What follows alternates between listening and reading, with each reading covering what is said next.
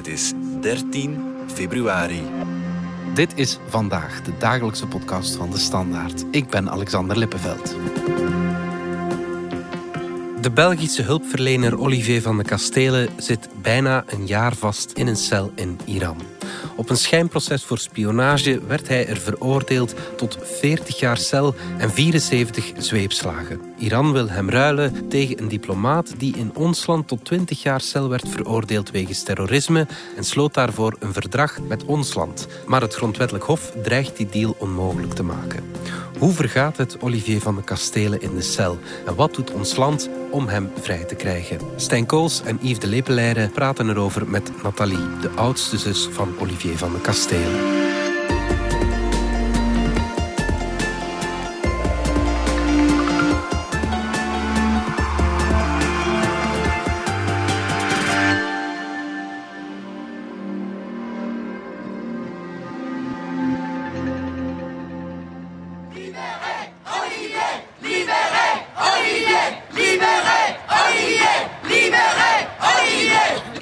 Altijd in isolatie. Olivier zou daar al, gaan we zeggen, het trieste record van hebben. Blijkbaar voor buitenlanders is dat de bijna maximum zes à acht maanden.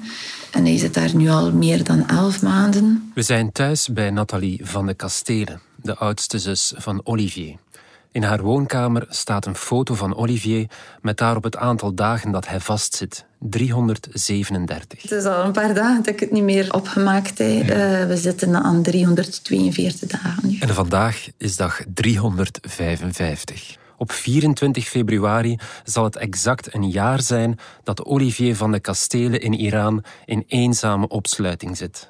Vooraleer dat hij meer telefoons vraagt van de familie, was het echt van uit die isolatie te komen om toch misschien een uur of twee of gewoon een etentje met iemand kunnen doen in plaats van gewoon zijn eten via valluik te krijgen.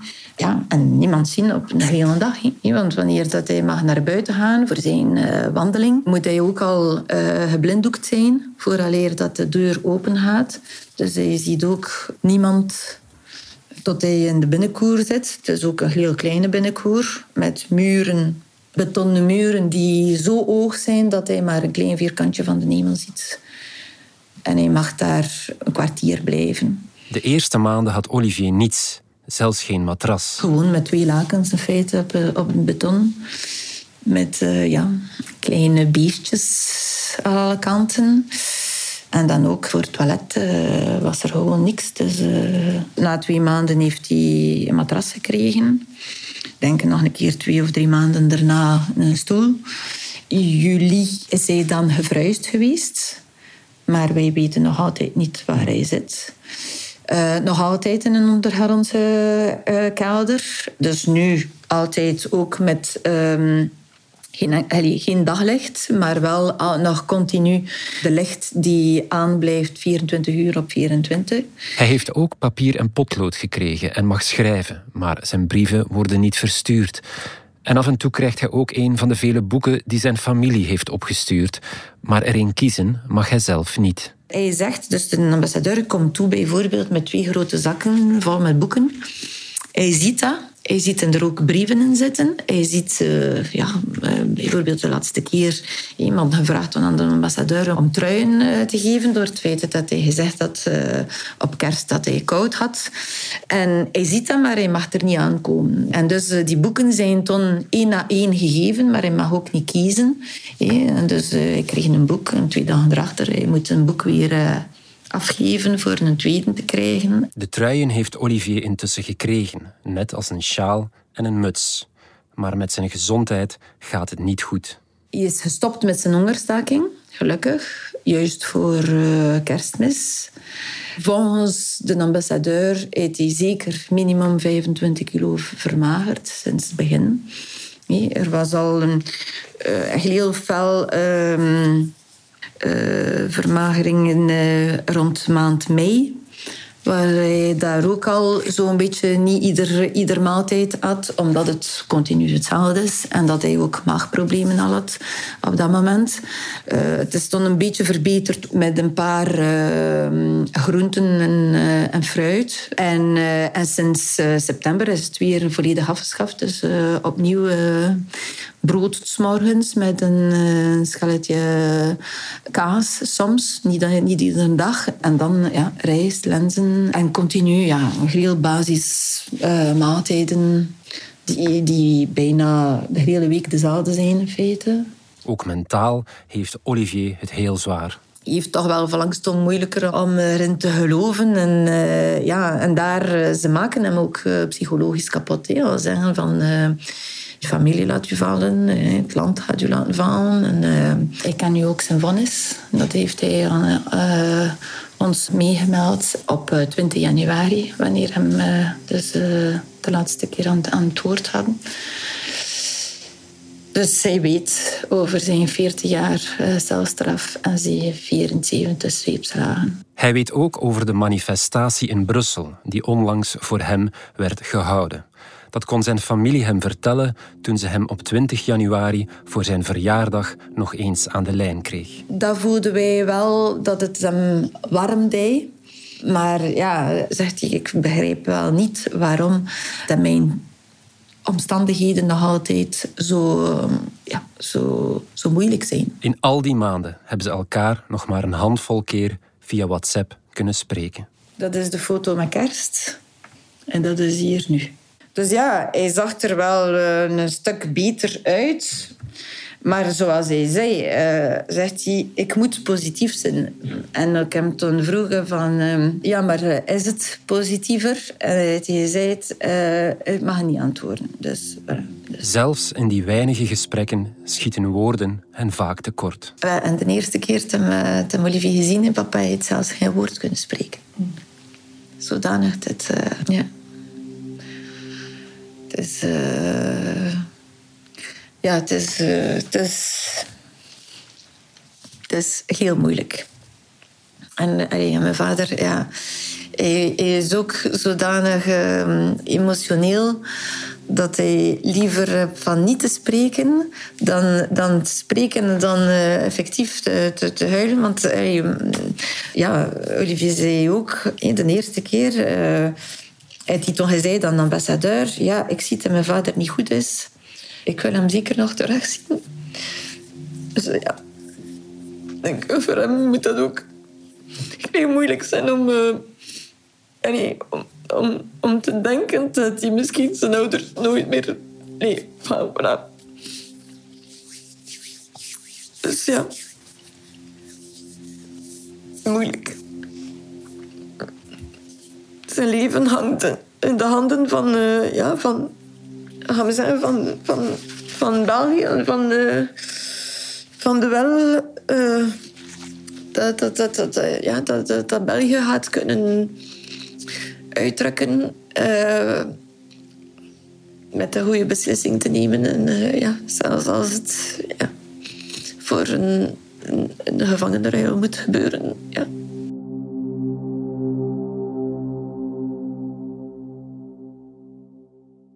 Stenkoos, welkom in onze studio. Jij volgt de zaak van de kastelen al van in het begin op de voet. Uh, wij zijn vorige week samen Nathalie van de kastelen gaan interviewen. En ik moet zeggen, ik was daar erg van onder de indruk. Dat was natuurlijk bij momenten een heel emotioneel gesprek voor, voor haar. Ze vecht eigenlijk al bijna twaalf maanden om haar broer uit die gevangenschap in Iran te krijgen. Ze is lang in de schaduw gebleven, dus ze heeft er eigenlijk voor gekozen om in het begin niet naar buiten te komen met, met het verhaal van de familie. Uh, maar sinds enkele maanden zoekt ze nu wel de spotlights op. En eigenlijk doet ze dat ook wel noodgedwongen. We zien sinds eind november, begin december, toen heeft Olivier laten weten dat hij in hongerstaking is gedaan, in gedeeltelijke hongerstaking, tegen zijn, tegen zijn gevangenschap daar. Dat heeft de familie heel ongerust gemaakt. Bovendien is daar ook, ook juridisch nieuws bovenop gekomen vanuit ons land. Uh, het, grondwettelijk hof uh, besloot een verdrag te schorsen waarmee gevangenen tussen België en Iran overgebracht kunnen worden. In de praktijk zouden kunnen betekenen dat Olivier van de Kastelen zijn straf in ons land zou kunnen uitzitten, of zelfs gratie of strafvermindering zou kunnen krijgen. Mhm. Maar door die schorsing van het Grondwettelijk Hof ziet het er voorlopig niet naar uit dat dat kan gebeuren. En we verwachten nu dat het een voorlopige schorsing, dat tegen maart er wel een, definitief arrest zou zijn. Over die uitspraak van het Grondwettelijk Hof die eraan komt, hebben we het straks nog. Maar om die te begrijpen, moeten we het eerst nog even hebben over Assadola Assadi. Want dat is de man die Iran wil ruilen tegen Olivier van de Kastelen. Ja, en daarvoor moeten we eigenlijk teruggaan naar 2018. Assadola Assadi was op dat moment een Iraanse diplomaat uh, die gestationeerd was in Wenen. En hij was het brein achter een, een verijdelde gelukkig, bomaanslag. Die mhm. zou uitgevoerd worden op een uh, verzetsgroepering uit Iran. Die samenkwam op een groot congres nabij Parijs. Hij stuurde daarbij een Belgisch-Iraans koppel aan uit Wilrijk en een Brusselse man, ook van met Iraanse roots. Dat koppel uit Wilrijk is onderweg naar dat congres in Parijs, nabij Parijs, tegengehouden geweest met explosieven in een kofferbak. Um, dus dat is die Assadollah Assadi, die Iraanse diplomaat, die eigenlijk ook in ons land dan, een aantal jaar later, veroordeeld is als terrorist. Omdat hij achter die aanslag zat. Uh, natuurlijk, in dat vonnis van de rechter, van de Belgische rechter uit 2021, staat letterlijk dat de veroordeelden uh, deel uitmaken van een grotere terroristische groepering te situeren binnen een welbepaalde Iraanse inlichtingendienst. En mhm. dat is natuurlijk vervelend voor de Iraanse overheid. Dat een Belgische rechter zegt dat hun diplomaat eigenlijk bijklust als terrorist in dienst van een Iraanse inlichtingendienst. Dus zij willen hun, hun, hun diplomaat slash terrorist terug. En zij hopen, door dat uitleveringsverdrag, hopen zij eigenlijk Assadollah Assadi terug te krijgen. En in ruil zouden zij dan aan ons land uh, Olivier van Castelo kunnen geven. Ja, voor Iran is Assadi dus een zeer belangrijk man. Dat is ook de reden waarom er heel veel kritiek kwam, ook uit verschillende hoeken, op de deal, het verdrag tussen België en Iran. Hè? Er is inderdaad eh, heel veel kritiek op dat verdrag gekomen, omdat er natuurlijk ook gezegd wordt van België is een, rechtsstaat. Assadi heeft zijn kans op een proces gehad. Hij is niet in beroep gegaan, hij is veroordeeld geworden. Mhm. Hij ziet zijn celstraf uit. De regels zijn daar gevolgd. Iran dat staat niet bekend als een rechtsstaat. Mhm. Dus er leeft bij een aantal mensen, politieke partijen, ook, ook vanuit Amerika is die kritiek gekomen. Het idee van, ja, is, is België hier niet aan het marchanderen geweest met een, uh, met een schurkenstaat? Ja. Uh, mogen zij wel met, met Iran praten over zoiets? Want je zou kunnen zeggen dat je dan toegevingen doet aan terroristen of dat je meestapt in, in hun verhaal. Dat verdrag tussen uh, ons land en Iran dat dateert van maart vorig jaar. In de zomer werd het dan goedgekeurd in het parlement. En kort daarvoor, op 24 februari, wordt Olivier van de Kastelen dan opgepakt in Teheran. Mogen we daaruit besluiten dat hij is opgepakt louter en alleen om als pasmunt te dienen?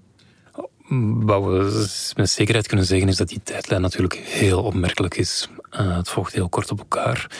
Het verdrag gaat over, vooral duidelijkheid niet over individuen. Het gaat niet over Olivier van de Kastelen. Het gaat niet over Assadollah Assadi.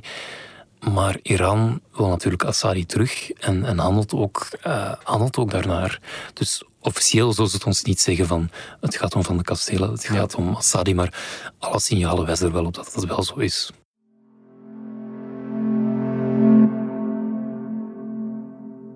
24 februari. Dat is dus de dag waarop Olivier van de Kastelen in Teheran werd gearresteerd. Zes jaar had hij in Iran gewoond en gewerkt voor verschillende NGO's die Afghaanse vluchtelingen helpen. Maar toen midden 2021 zijn contract bij Relief International niet meer werd verlengd, moest hij het land verlaten. In februari vorig jaar was hij nog één keer op bezoek. Hij is er terug naartoe geweest om, om, om zijn appartement vrij te maken. Zijn rekening ook, eh, omdat hij mocht zomaar geen geld van, overschrijven van een Iraanse bank naar, eh, naar een Europese bank. Er is geen enkele Europese bank die dat uh, toelaat. Dus ja, je kunt niet anders doen dan, uh, dan er naartoe gaan. Er gold wel een negatief reisadvies dat was blijkbaar zo vermeld op de site van de buitenlandse zaken. Maar wanneer, wanneer je al in landen leeft, dus sinds zes jaar, ga je nog gaan kijken van wat je moet hebben van papieren. Zijn visa heeft hij gekregen. Ik denk, eh, hij zou moeten een individueel reisadvies gekregen hebben, hij zou hij niet vertrokken zijn. Op zijn laatste avond in Teheran was Olivier bij vrienden. Ze hadden pizza's besteld en toen ging de bel. En ze zijn binnengekomen met een stuk of uh, zes of acht. En ze hebben de, de meisjes en de jongens apart genomen in twee uh, verschillende kamers. En iedereen ondervraagd. Tot de laatste was Olivier. Dus ze hebben hem toen zijn telefoon gevraagd, zijn laptop, de codes moeten geven. En ze hebben hem toen meegenomen. Ze dat is allicht de Iraanse geheime dienst. Wij denken, nee, uh, wij weten ook niet juist uh, door wie dat hij uh, opgenomen geweest. Dat was ook op dat moment niet duidelijk, want ze waren ja, gekleed zoals, zoals jullie. En blijkbaar, ja, toch wel, er is een andere, hogere mens erbij gekomen. En, en dus, dus die mens die zou gezegd hebben van, dus hij moet mee. De familie van Olivier dacht eerst dat het om een misverstand ging. Want waarom zou Iran een hulpverlener arresteren die zich de voorbije jaren zo hard had ingezet voor het land? Eh, in het ministerie zijn ze ook van, eh, ja, er moet een misverstand zijn. Eh, het gaat in het begin ze hebben ons gezegd van ja, het zou kunnen zijn binnen twee weken dat hij dat een keer dat, ze een beetje ondervragen en ze wel beseffen van uh, want Olivier werkte met de regering, met de Iraanse ministeries. Dus ja, ja het is wel een beetje moeilijk op vandaag. Even surtout voor mama. Allee, ze ja, oké, ik nog horen wat ze ons zijn. Hey, eh, en uh, het is toch uh, volledig onzin dat jij daar nu vastzit met al het goed dat hij daar gedaan heeft voor dat land.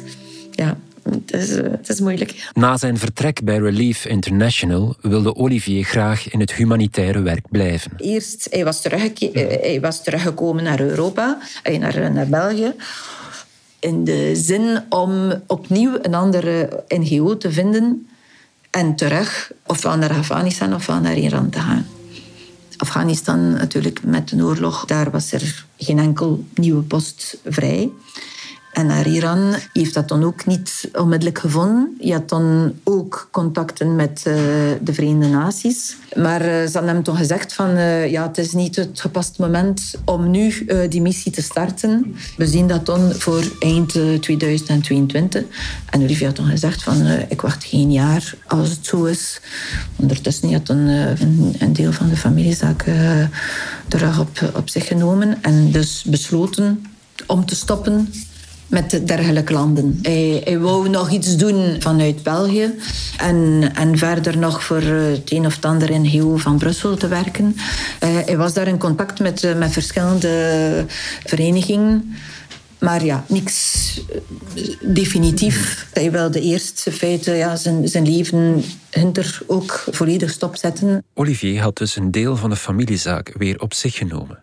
Die familiezaak bestaat al drie generaties en begint in 1967. Grootvader Roger baat dan een transportgarage uit in Moeskroen wanneer Peugeot een nieuwe vertegenwoordiger zoekt in de stad. C'est presque comme par enchantement qu'est apparu en ce lundi de printemps sous les ombrages tout neufs du Précatelan en fleurs un nouveau modèle automobile, dernier né d'une lignée prestigieuse, la 404. Grootvader Roger geeft de liefde voor auto's door aan zijn zonen. En al snel volgen er vestigingen in Doornik, Kortrijk, Aad, Peruwe en Wevelgem. In de jaren 90 stapt ook kleindochter Nathalie in de zaak. En Olivier, die was van jongs af gebeten door humanitair werk en ambieerde een ander leven. Je hebt altijd, ja, altijd, gaan we zeggen, zo een beetje idealist geweest. En ik denk dat, uh, dat zijn roeping gekomen is gedurende zijn studies. Hij had het moeilijk over, uh, gaan we zeggen, uh, de rijke landen en de arme landen. En je dan, het was op het einde van zijn, studies, hij dan een reis gedaan in Nepal. En de week dat hij moest terugkomen, want het was toch een reis van een goede maand, had hij dan gebeld. Er is hier een tsunami gebeurd in, in, het zuiden van India. Ik ga daar naartoe.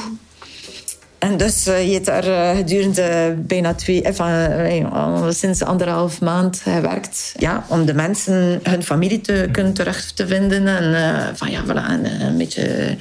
Dus ik denk dat je daar veel dingen gezien heeft. Dus ja, van dan was het zo een beetje wanneer dat hij als jobstudent het een en ander gedaan had voor de garages. Dat hij zei van ja, niet direct alleszins. Voor Olivier's ouders is dat niet evident om te aanvaarden. Het is, uh, het is wel een beetje moeilijk geweest voor onze ouders om dat uh, te begrijpen en om daar... Uh, ja, om dat te aanvaarden ook. Maar wij, allee, ik, altijd, wij zijn altijd zeer fier geweest over wat, wat hij kon doen voor, gaan we zeggen de, de, de humaniteit. Allez, enfin. Over zijn avonturen in Mali en Afghanistan vertelt hij niet alles. Om zijn ouders niet nog meer ongerust te maken. En wij waren echt ook uh, veel rustiger sinds dat hij in Iran werkte. In april 2019 ging de familie Olivier in Iran bezoeken. Het was een prachtige reis, zegt Nathalie. Ja, nee, het is echt een heel... Dat was een, een zeer mooie reis. En, en Olivier was effectief, gaan we zeggen, verliefd op, op dat land, op de cultuur, op muziek.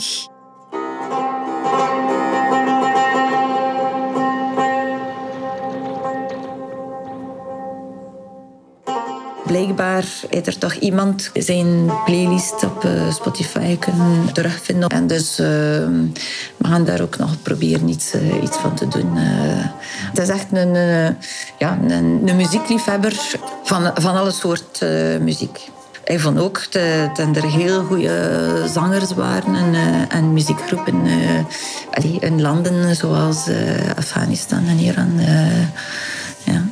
En uh, daarvoor zei hij ook, er is hier zoveel te doen en in, in zo'n mooi land ook, dat hij, dus ja, hij wou daar uh, verder, we zeggen, zijn werk uh, volledig inzetten. Ja.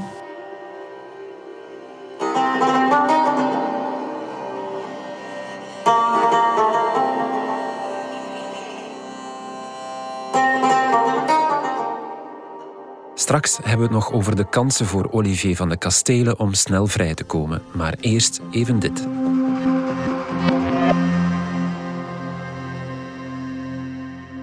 Van zijn wieg over zijn gangsterjaren, bloedige overvallen, geldtransporten, ontvoering van een ex-premier, de ontsnapping van de eeuw. Snap de gangster. Philippe Lacroix krijgt de doodstraf.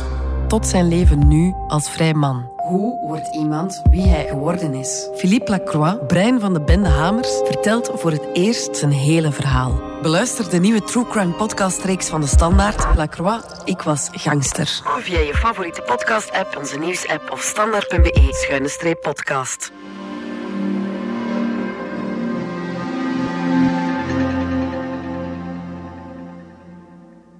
Stijn, terug naar uh, de zaak van de kastelen en de procedure aan het grondwettelijk hof. Want daar zit die hele uh, gevangenendeal tussen België en Iran nu geblokkeerd voor Olivier van de Kastelen. Leg eens uit hoe dat komt. Ja, dus België en Iran zijn het verdrag overeengekomen om gevangenen over te brengen.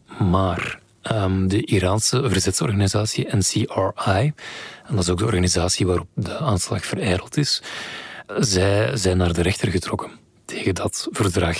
Zij vrezen dat als dat verdrag er effectief doorkomt, dat Assadollah Assadi, dus de man die op hen een bomaanslag wilde plegen, mhm. dat hij meteen op het vliegtuig gezet zal worden naar Teheran, dat hij daar als een held ingehaald zal worden, dat hij daar een mooie villa krijgt, dat hij daar vrij kan rondlopen.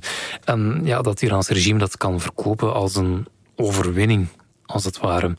En zij zeggen van ja, als die terrorist terugkomt naar wat in essentie nog hun land is als verzetsgroepering, dan is ons, ons recht op leven geschonden. Dan, dan kunnen wij niet, dan zouden wij nooit meer veilig kunnen leven in Iran. Um, zeker, ja, je ziet dat het verdrag ook gratie, amnestie of zelfs strafvermindering toelaat. Dus de kans is mhm. wel groot dat Assadi daar um, meteen op vrije voet komt. En het Grondwettelijk Hof heeft die redenering gevolgd? Het Grondwettelijk Hof heeft die redenering gevolgd en benoemt ook heel uh, letterlijk in, in, dat voorlopige, in die voorlopige vordering dat dat recht op leven geschonden wordt. Ja, natuurlijk, de familie van de kastelen zegt ja, nee, het recht op leven van Olivier van de kastelen wordt geschonden in dit geval. Zij keren dat argument om. En Wat zij ook aanbrengen is dat Assadollah Assadi zit hier in de cel. Uh, zit al een aantal jaar in de cel, sinds 2018. Um, het zou kunnen zijn dat hij over niet al te lange tijd al in aanmerking komt voor een uh, voorwaardelijke vrijlating. Terwijl Olivier van de Kastelen wel dreigt 40 jaar in de cel te moeten blijven. Mhm. En nog eens 74 zweepslagen bovenop krijgt. Mhm. Terwijl hij niet eens een, een eerlijk proces gehad heeft. Over enkele weken, de laatste 15 maart, velt het Grondwettelijk Hof dan zijn definitieve arrest. Als ik dat allemaal zo hoor, Stijn, dan wordt, het, ja, dan wordt dat voor Olivier alles of niets. Ik volg dit verhaal sinds 2018 en ik heb geleerd dat je hierover nooit, echt geen enkele definitieve uitspraak kan doen. Alles kan gebeuren. Minister van Justitie, Vincent van Quickenborne, die uh, heeft zich sterk gemaakt dat hij Olivier moet en zal vrijkrijgen. We luisteren even naar wat hij daarover onlangs zei in de zevende dag. En ik zal, ik zal het u opnieuw zeggen, alle wettelijke en grondwettelijke middelen aanwenden om die man bij ons terug te krijgen. En we zullen daarin lukken. Ik verzeker u dat. Ja? Dus daar mogen we u op aanspreken als dat binnen hoeveel maand niet lukt? Ik zal er geen timer op geven, maar dat zal ons lukken. Ja, Stijn, dat is een dure belofte die je maakt. Maar wat als het grondwettelijk hof de deal definitief vernietigd, heeft de regering dan een plan B? Op dit moment zien we dat diplomatieke contacten met Iran heel erg moeilijk liggen. Het is nu echt wachten op dat definitieve arrest van het grondwettelijk hof. En dan kan er natuurlijk wel weer gekeken worden wat er terug diplomatiek mogelijk is of niet mogelijk is. Contacten met Iran zijn sowieso al niet gemakkelijk. Mhm. Maar we zien dat minister van Buitenlandse Zaken, Labib, ook, ook, zegt van ja, we proberen er echt wel alles aan te doen om Olivier vrij te krijgen. En we zien ook dat zowel de familie als organisaties als MC International ook wel de zaak op de agenda zetten en op de agenda willen houden. niet alleen in België, maar ook, ook in andere landen. Dus je merkt wel, zowel via diplomatie als via uh, campaigning, dat ze toch proberen altijd iets te betekenen voor Olivier. We luisteren nog een laatste keer naar Nathalie van de Kastelen. Uh, ik denk dat er niemand had kunnen voorspellen dat we nog altijd uh, na een jaar geen definitieve oplossing hebben. Het ministerie en, en de regering ze hadden ook gehoopt dat Olivier kon vrijgemaakt zijn zonder veroordeling. En dat hij niet ging dat verdrag nodig hebben voor de overbrenging. Maar nu, eh, nu dat hij eh, definitief eh, veroordeeld is, hebben we nog meer nodig dan, dan ooit. En ook voor de toekomst. Want de dag dat er een andere Belgische toerist daar vastzit, dat België toch wel kan maken om, om die mensen terug te krijgen. Het is, het is natuurlijk voor ons ook moeilijk, maar het is wel, zeggen, als het de enige oplossing is, ja, dan moet ze wel gebruikt worden. Op vandaag is er blijkbaar nog geen enkel andere piste. Er is nog altijd geen plan B. We waren daar al een beetje ontgoocheld eh, over, maar ja, we begrijpen nu wel ja, nog duidelijker wanneer dat Iran iets vraagt, is het wel, ja, zolang dat, dat niet gebeurt, ja, gaat de Belgische onschuldige burger daar blijven. Nathalie blijft hopen op een snelle en goede afloop. we blijven erin vertrouwen, want uiteindelijk het is meneer Van Quickenborn die ook gezegd heeft het is onze verplichting om een onschuldige Belg daaruit te mhm. halen. Begrijp nu het eh, zeker minister minister van Justitie niet kan iets doen zolang het grondwettelijk hof uh, niet heeft uh, zijn definitieve vonnis uh, uitgesproken heeft. Ja, we hopen dat, het, dat het positief is en dat het dan zeer vlug kan gebeuren, zodanig dat het trauma toch niet te zwaar is voor, voor Olivier. Thuis wacht Olivier al een nieuw bed. Mama kan het zeggen, ze hadden een nieuw bed willen kopen voor Olivier zeggen van... Uh, als hij terugkomt, je hebt, uh, op de grond moeten slapen. Je hebt al rugproblemen. Nu moet hij wel een goede bed. Dus uh, al, het is nu al ja, acht maanden, denk ik, dat er een nieuwe bed wacht voor Olivier. Maar het is met een bang hart dat de familie uitkijkt naar de dag van het arrest. Wat als het slecht nieuws is? Ja, dat weet ik niet. Dan, dan weet ik het echt niet. Ja, het is van langzaam moeilijker langs dan moeilijker, omdat het, uh, ja, de stress, we kunnen dat niet meer kwijt. Uh, als ik geen, geen halve slaapwel neem, kan ik maar amper vier uur slapen. Zelfs als ik moe ben tot en met. En dus, uh, en dus effectief, ja, het is een, een hele familie hier. bijvoorbeeld, zelfs mijn kinderen, ze zitten in, uh, op universiteit. Ze hebben een heel slechte uh, examensessie gedaan. Dus ja, voilà. Dus iedereen is eraan geraakt. Ja, zwaar, zwaar, ja. Iedereen moet zich wel um, bewust maken dat het kan gebeuren aan, aan, aan, jullie broer, aan, aan, aan, aan iemand anders. Um, dus, um, maar uh, ja, het is, het is vreselijk.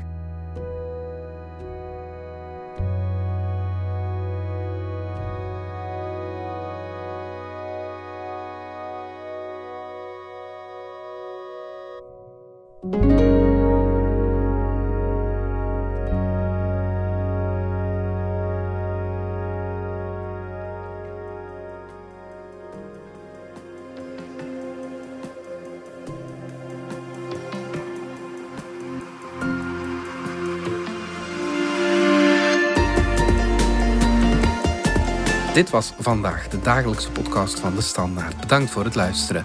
Volg ons op Spotify, Apple Podcast of eender welk ander podcastplatform. In onze gratis FDS podcast kan je niet alleen ons werk beluisteren, maar ook de beste podcasttips terugvinden met zorg geselecteerd door onze redacteur Max de Moor. Alle credits van de podcast die je net hoorde vind je op standaard.be-podcast. Reageren kan via podcast.standaard.be. Morgen zijn we opnieuw.